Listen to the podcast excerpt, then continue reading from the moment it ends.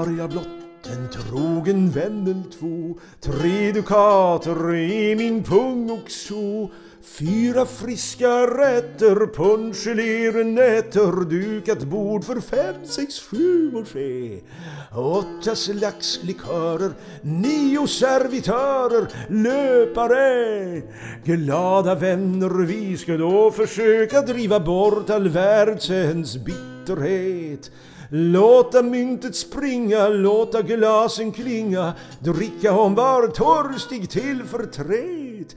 Men nu ska vi sakta Bacchus blott betrakta, stinn och fet. Ingen lever att sitt kval föröka, nej man lever blott för att må väl. Därför skulle vi dricka, somna in med en hika, drömma med en flicka, roligt gräl. Märk att livsbehaget är det bästa slaget för var själ. Kära lyssnare, varmt välkommen till en musikalisk vandring genom fyra århundraden som samtidigt är en berättelse om den resa i tiden jag själv har gjort i äldre svensk visdiktning. Och som då bland annat har resulterat i några böcker och skivor kring mytomspunna visdiktare. Under snart 25 års tid har jag fördjupat mig i den tidiga svenska visan, både som interpret och forskare. Det här hade inledningsvis att göra med mitt intresse för Carl Michael Bellmans visor där hans ungdomssånger från 1760-talets första år sedan fört mig på en resa bakåt i tiden. Utan Bellman hade vi nog inte intresserat oss lika mycket för andra tidigare diktare som eh, Lars Vivallius, Johan Runius och inte minst Lasse Lucidor. Han har ju ibland blivit utpekad som en tidig Bellman. Hur som helst, Bellman har jag ägnat många studier. Bland annat letat i arkiv efter gamla operapartitur för att kunna jämföra de franska originalen med Bellmans nydiktningar. Musiken till visorna och sångerna lånade man ofta. Ja, för övrigt är överhuvudtaget musiken till 1600 och 1700-talets visor ett stort och ännu faktiskt eh, delvis outforskat område. Melodierna kunde lånas i sin ursprungliga form eller bearbetas på olika sätt. Ibland angav man ursprungsmelodin genom en så kallad timbre, en titel som hänvisade till melodin i fråga. Tillvägagångssättet tycks ha varit det gängse när det gällde visor. Men också de samtida kompositörerna av större verk kunde ända fram till slutet av 1700-talet använda sig av denna teknik. Georg Friedrich Händel är ett exempel på detta. Efter att ytterligare utforskat Bellmans ungdomssånger tillsammans med musikvetaren Jim Messingale föll det sig naturligt att ta ett steg tillbaka och se var Bellman fått sin inspiration ifrån. Det här leder då tillbaka till hans föregångare Olof von Dalin. Jag ska strax återkomma till Dalins betydelse för Bellman och samtidigt ge en bild av svensk dryckesvisa som skapats under romantiken och 1900-talet. Ett naturligt steg blir sedan att gå ytterligare tillbaka till Lucidor berömd, renommerad, omtalad och ökänd. Men vi låter först Carl Michael Bellman få ordet och tonen. Bort med vett och sunda tankar, nykter själ, adjö, farväl. Jag bland backe vänner vankar tills jag super mig ihjäl. Ja, jag är så matt och svag, mina vänner, se jag dör. Morgon innan det blir dagar ligger jag här utanför.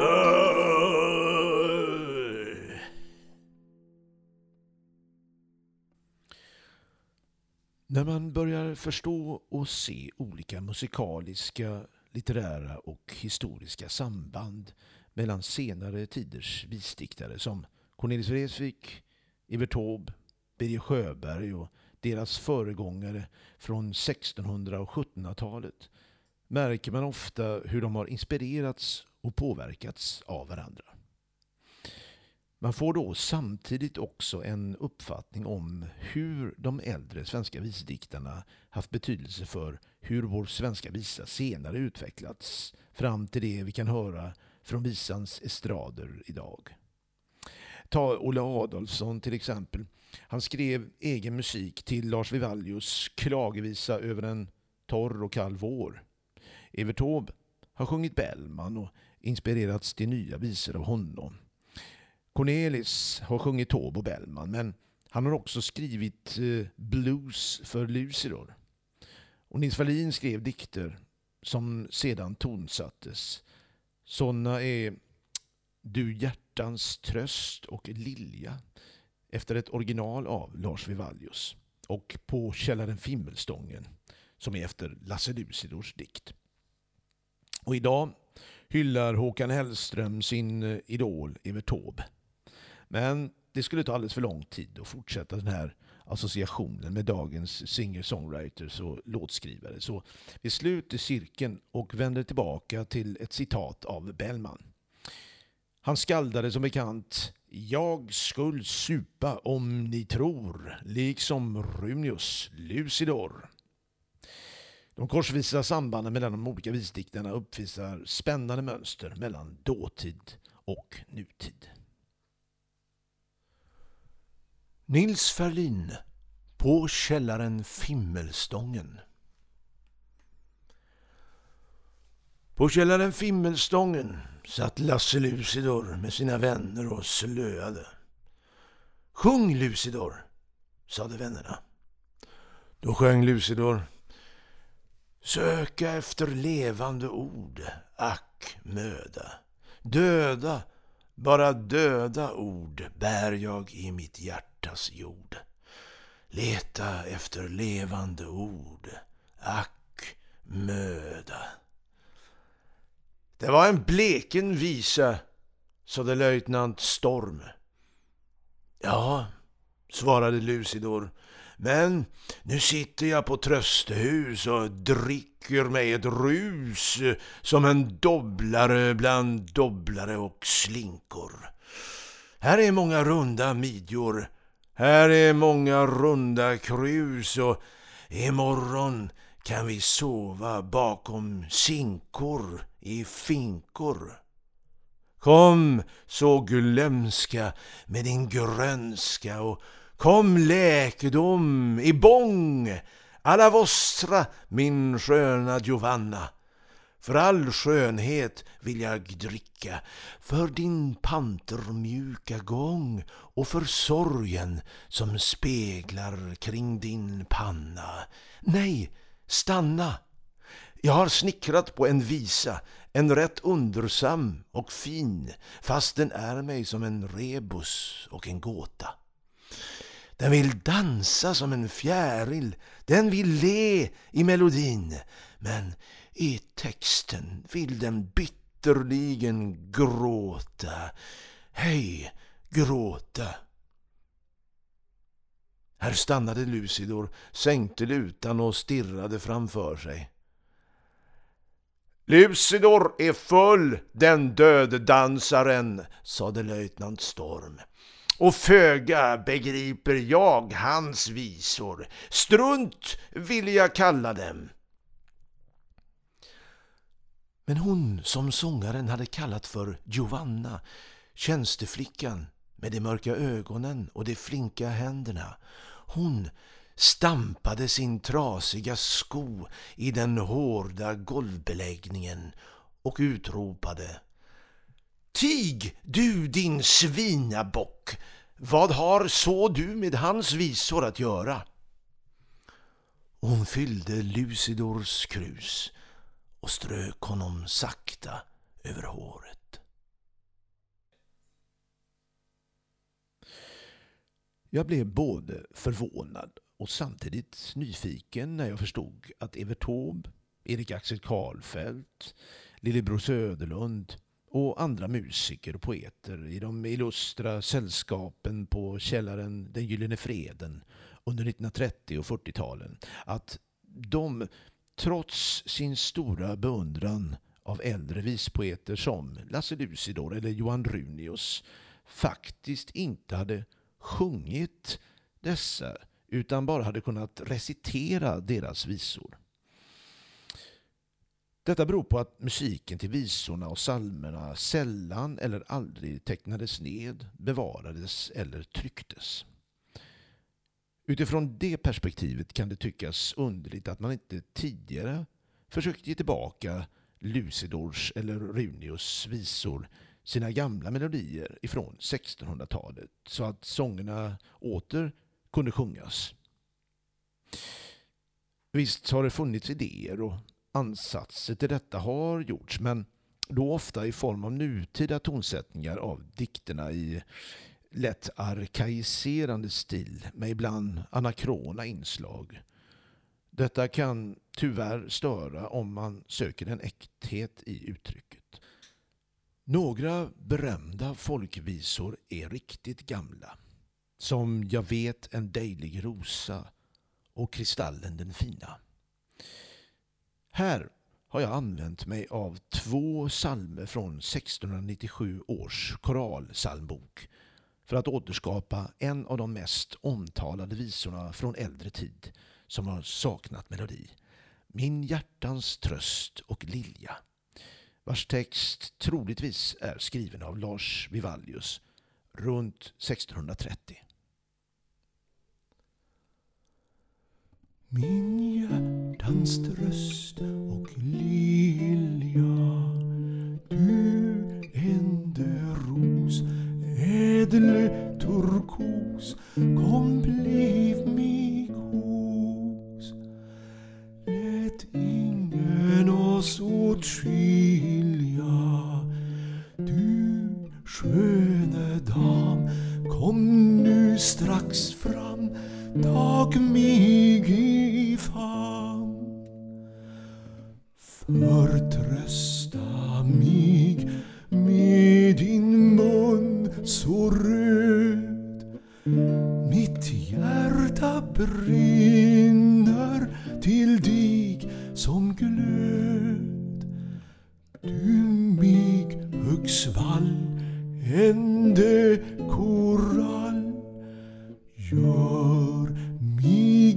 bistånd i detta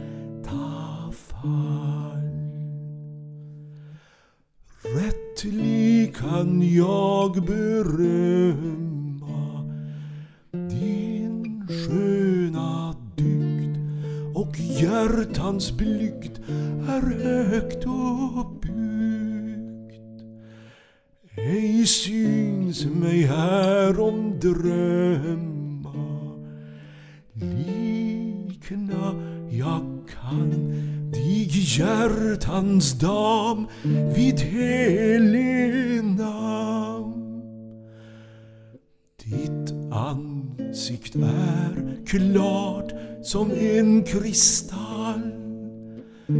Din mun är röder som en korall. Din hals så klen förut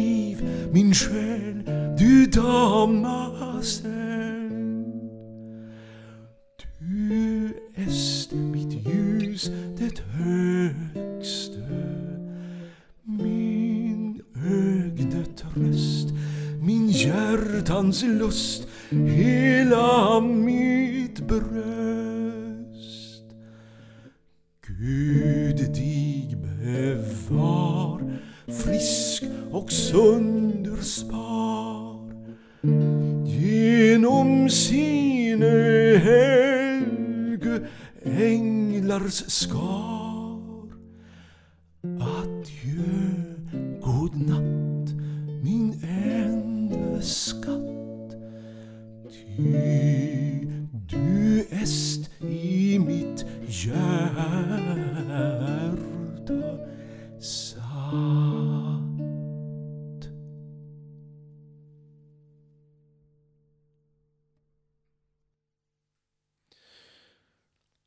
Lasse Lucidor har närmast blivit uppsatt på en piedestal av flera berömda svenskar under 1900-talet. Poeter och diktare som Karlfeldt, Evert Taube, Ferlin och Cornelis har varit stora Lucidor-beundrare. Författaren Torbjörn Säve har skrivit flera böcker om honom. En med titeln Dygden har jag platt försummat. Karlfeldts Skalden Lucidor är en stor apoteos över honom. I boken fantiserar han om hur Bellman liksom kommer på Fredmans epistlar när han läser sången Kom, kär broder, kom. Cornelis Vreeswijk, den yngre radikala generationens store förebild, har också, och det är egentligen i en obruten linje med Karlfeldt och Taube, hyllat 1600-talsskalden. Lucidor mötte sitt öde i en värjduell på källaren Fimmelstången. Och Nils Ferlins berömda dikt följer också på sitt sätt mönstret att utmåla Lucidor som en konstnärlig fribrytare eller som professor Stina Hansson bättre har uttryckt det, en vildfågel. Giljare kval uppå den högvälborne herres herr Konrad Gyllenstierna etc. etc. och högvälborne frökens Märta Kristina Ulfsparres etc. etc. högst Lycksele brud löftsdag kontinuerad av Lucidor den olycklige den 18 november anno 1669.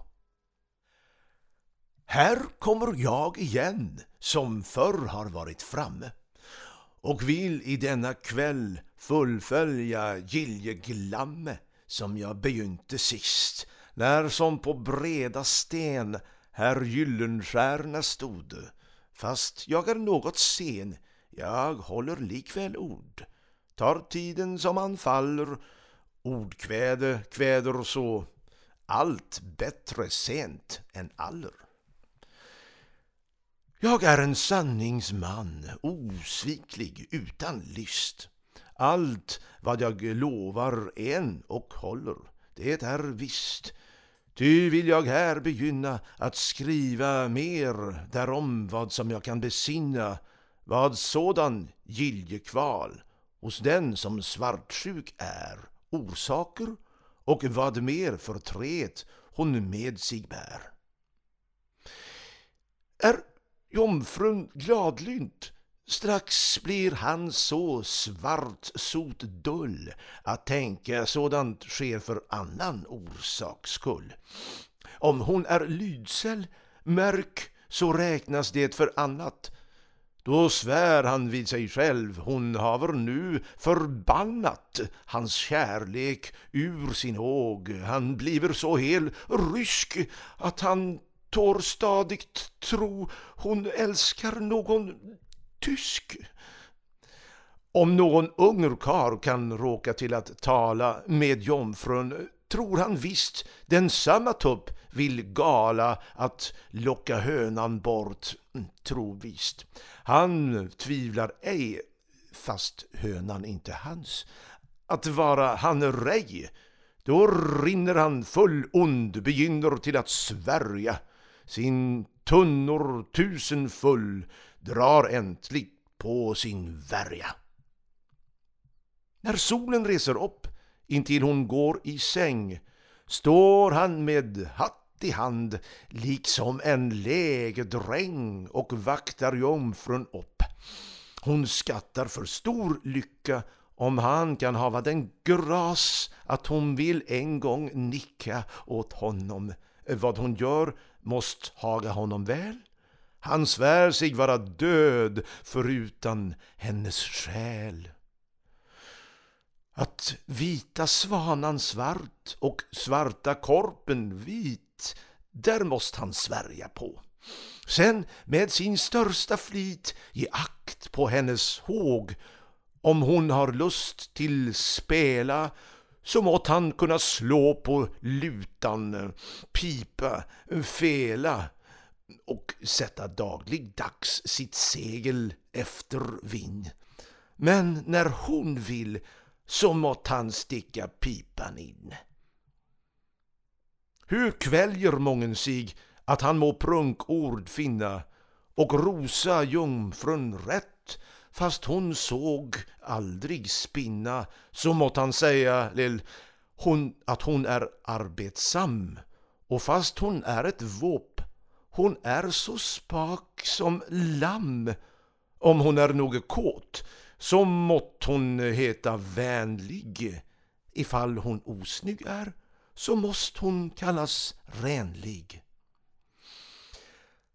Han måste och mästerlig med söta smickerol upphöja deras dygd som skiner lik en sol ibland allt kvinnekön. Dem kalla jordgudinnor och säga jungfrun är för alla mör och kvinnor ett skönhetsmönster jämt en spegel av all dygd den mest fullkomne kropp som himlen haver byggd, naturens underverk och högsta mästerstycke, en ängel, den som har alena människotycke. Ros, lilje, ängelbarn, själ, hjärta, andra jag, min hugsjäl, ögnelust, min sol som gör min dag, min stjärna, min planet, mitt allt måste han nämna än sätta mer därtill, ej något ros bortlämna, om han vill eh, hava favör. Min höna, gås och gris eh, är inte mer i bruk eh, och aktas ej en fis. På hennes kinner måste vår ros och liljor gro, fast kindbenen se ut liksom en skollad so. Måst ej korallrubin och skarlaxfärjan blekna mot hennes läppars färg, likt eh, ålskin. Vem kan räkna allt tokot giljekval? Hans rätt självägne kropp gör honom en ny sorg om han vill hava hopp att haga jungfrun väl. Måt han ha giljekläder hårluva, bäverhatt, därpå en brokott fjäder som han på huvud bär och ligger tätt på strå.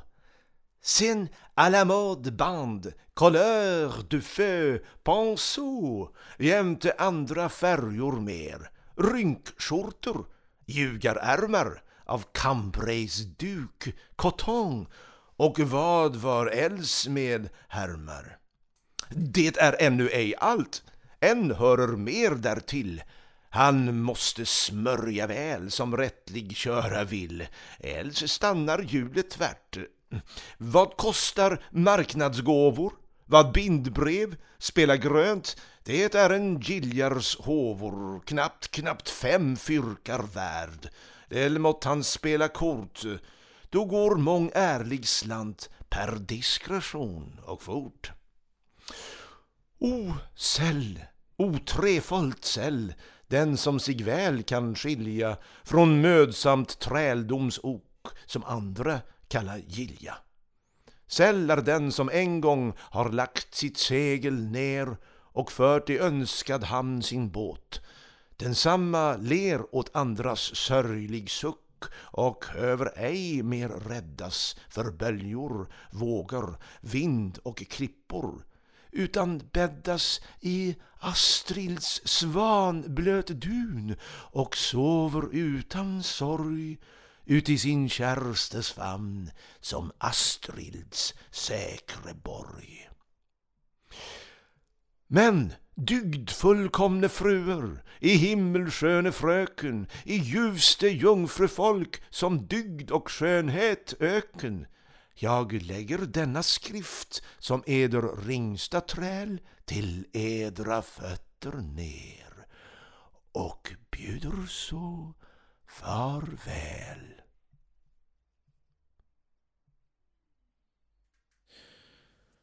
Bellman och Dalin har i vissa fall använt sig av gemensamma melodier, vilket inte bör förvåna. Man kan ju till och med tänka sig ett sammanträffande de båda emellan. En åldrad hovpoet som möter en fjunig yngling på Södermalm någon gång i början på 1760-talet. Ett exempel på en sådan gemensam melodi är Kulna höst med regn och töcken av Dalin respektive Bort med vett och sunda tankar av Bellman. En polskemelodi som var mest känd under titeln Klippingshandskar jag er lovar, vilken i sin tur är skriven av poeten Israel Holmström i slutet av 1600-talet. Att bruka ett gemensamt melodiförråd, att låna befintliga melodier eller med ett gemensamt ord paroditeknik är något som förenar många poeter och visdiktare. Till exempel Israel Holmström, Johan Runius och Urban Järne som verkar inom den tidsrymd som innefattar Vivaldius till Bellman. De är visparodiker som hämtar musik från bland annat Tyskland och Frankrike. Israel Holmström Klippingshandskar jag er lovar. Klippingshandskar har jag lova, klippingshandskar jag er ger. Det är väl en ringa gåva, varmed jag mig för er ter. Men betänk min sköna Lisa, att jag är en fattig kar och det är en gammal visa, skälm som ger mer än han har. Kunde jag min gåva laga efter lusten min till ge? Skulle hon er väl behaga ty då skulle I få se på var handskes mjuka finger lenare än silkesvadd Femton gånger femton ringar i var ring en dyrbar skatt. Utav femton diamanter var diamant er blev beskärd. Sku ha femton vassa kanter och var kant sku vara värd. Femton tusen nya daler kun jag sådan gåva ge. Ingen kalle mig sen kaler han i korgen jag visst blev Men i pennan är jag riker och i pungen almosjon.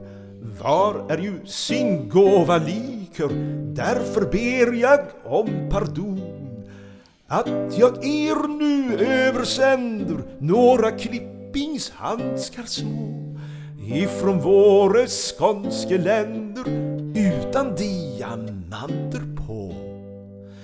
Dock hur ringa det och ära om i på er vita hand vålar desse han ska bära ingen ungkar i vårt land finns som ej skulle gärna vilja föra dem åt mun till bys och för er skull, Lisa lilla, giva dem en hjärtlig kyss. Ja, jag kan mig redan fröjda när jag nogsamt tänker på hur många kyssar nöjda mina handskar lära få. Överallt hamrera räcker fotknivslånga värjeband svarta vita löshårslockar liten hatt med silverrand.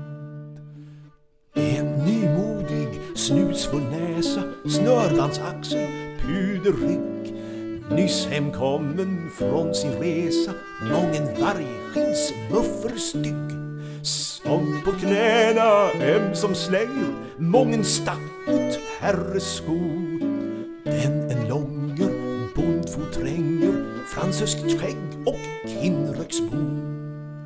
Knapphålsdryge, silversmidde, handskelösa muffeband, krokeknivar guldbeprydde, båtsmans halsduk knytningsgrann. Alla, alla desse lära komma fram ödmjukelig Dock jag menar det som bäras lika saker upp på sig. Och för mina handskar buga snärde i Cupidos band Kyssar stjäla, kyssar truga av min handska på er hand Vad vill jag då mer begära för min gåva jag er ger när jag märker vad en ära mina handskar få för er. Men skulle någon visa lilla envist äntlig komma fram allt för överdådigt vilja kyssa eder bara. Ack, det vore för mig en harmer, giv ej honom därtill lov. Säg er hand, den är så varm att er handske går ej tov.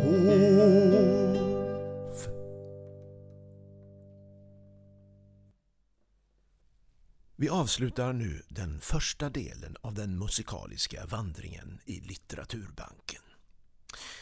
Jag ska längre fram i nästa avsnitt också sjunga en variant på den här polske melodin med text av både Hedvig Charlotta Nordenflykt och Olof von Dalin.